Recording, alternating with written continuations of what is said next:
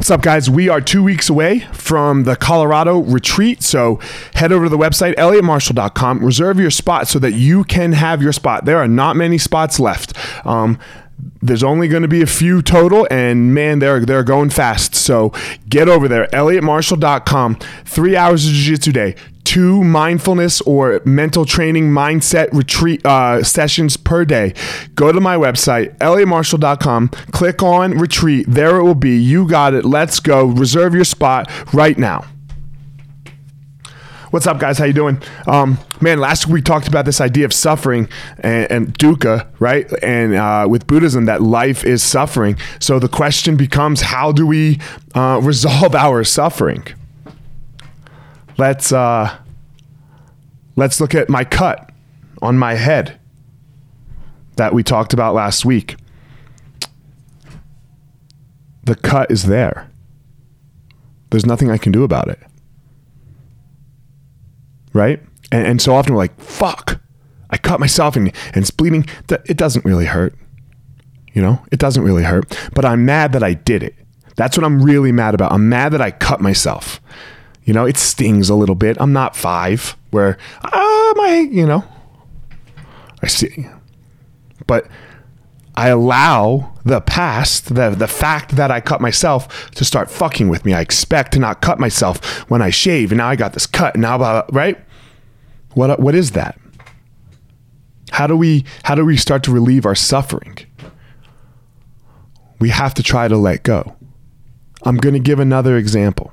I have my uh, my 12 year old now. I don't think I've done one since my child turned 12. Um, and he he wants to beat me so bad at everything we do. Basketball, it doesn't even matter.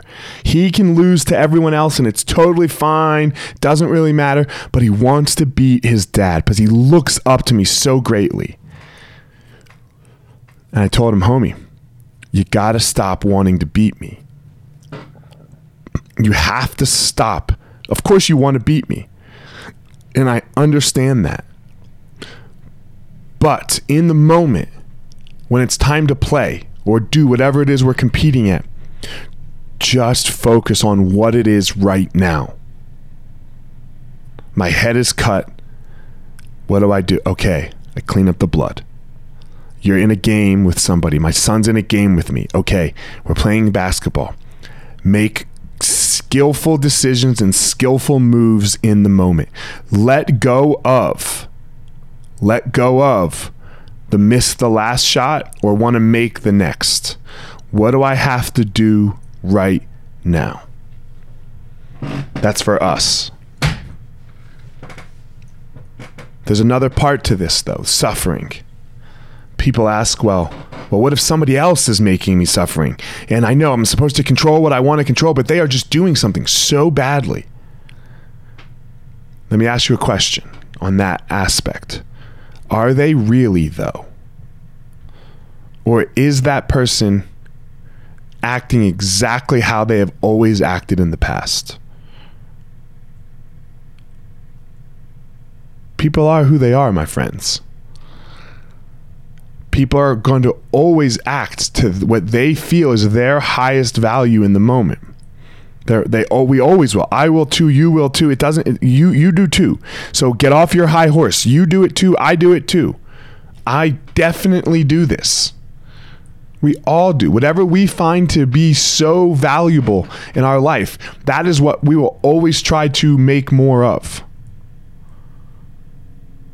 People always act that way. Expect them to. So those are my two my two steps for wanting suffering to end. Is I just accept that it is. I just say, okay, it is. My head is cut. Two, I try to find some emptiness in that. Stop wanting to not be cut, or in, for example, in my child's example with basketball, stop wanting to beat me just do the most skillful thing you can do right now in this moment. And three, I expect people to act exactly how they have always acted in the past. And that way, it doesn't ever let me down. It's right in line with what it is. So that's it, guys. Discover your passion, find your power, give your purpose to the world.